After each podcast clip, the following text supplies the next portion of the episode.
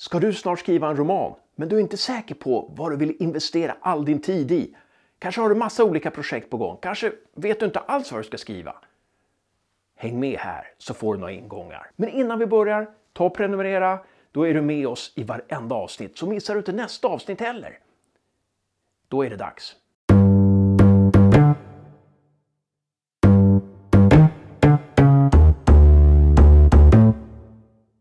Så, du ska skriva en roman.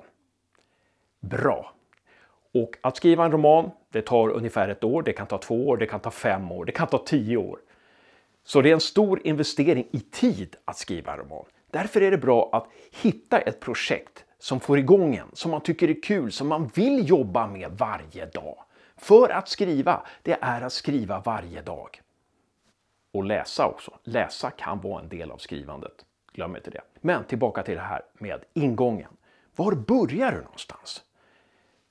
Det bästa är som sagt att det ska vara någonting roligt och kanske har du en idé om det här ska jag skriva om.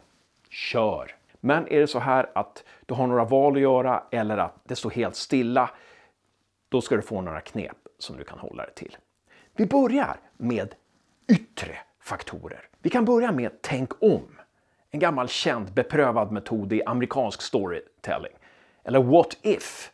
Du kan rada upp massa meningar som börjar med tänk om, tänk om, tänk om, tänk om och så fyller du på dem. Tänk om en läkare är rädd för sprutor.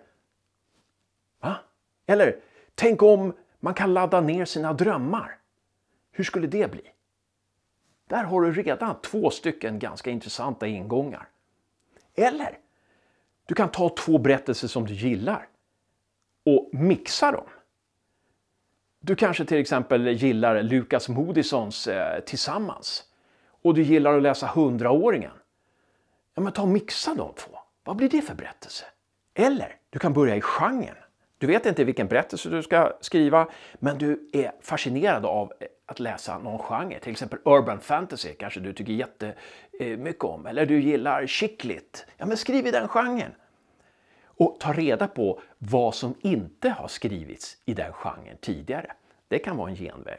Som David Chase gjorde när han skapade Sopranos. Hur är det om maffiabossen har en familj, har ett familjeliv som också är lika betydelsefullt som hans maffiaaffärer. Han har en fru som har en egen storyline. Han har två stycken barn som också får storylines. Nu ska vi köra igång med första övningen.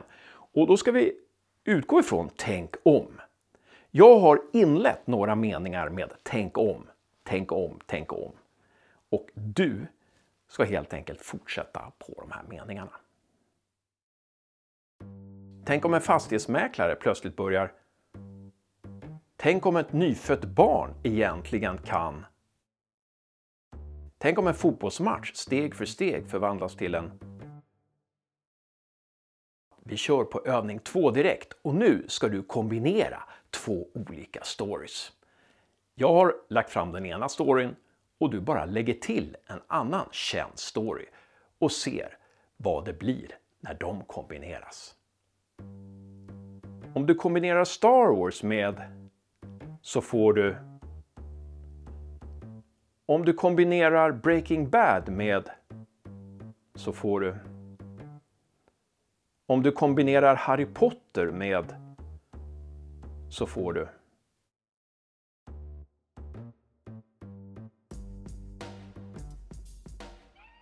Men där har vi letat ganska mycket i det yttre. Vi har inte letat så mycket i dig. Så det gör vi nu. Och när du ska leta i ditt inre, en sak som är bra att göra, det är att ta fram penna och papper eller en laptop eller en iPad eller vad du än har för någonting och skriva. Börja med att skriva ner vad du brukar drömma om. Och vet du inte vad du drömmer så börja anteckna dina drömmar under en månad. Ha papper och penna bredvid i sängen. Och vilka tv-serier tycker du om att se? Vilka avsnitt av de här tv-serierna brukar du se om? Och anteckna också vilka böcker du gillar. Och gärna de böcker du gillar att läsa om. Vilka serier brukar du läsa? Att du läser det här och tittar på det här, det säger någonting om dig. Det betyder att det är det här du ska skriva om. Här finns det någonting som är viktigt för dig. Det är inte en slump att du drömmer de här drömmarna. En annan sak du kan göra för att leta i dig är ju att tänka, vad är du expert på? Du kanske har jobbat i kriminalvården i 35 år eller du, du kanske har varit arbetslös i sju år och det enda du har haft är ett skitjobb på ett lager. Ja, men det kanske är det där du ska skriva om. Du är expert på det där. En annan sak som du kan utgå ifrån är att, vi var lite inne på det för någon minut sedan, det du brukar läsa. Om det är en berättelse som du läser om och om igen eller det är en tv-serie som du ser om och om igen, eller ett avsnitt som du ser om och om igen. Skriv en fortsättning på det. Du kanske ser det om och om igen för att det behövs en fortsättning. Skriv en fortsättning, men skriv det med egna karaktärer. Ingen kommer se att det där är en fortsättning, för du kommer forma det på ditt sätt med ditt temperament och dina idéer. Och det sista jag ska säga, vad är det? Jo, imitera.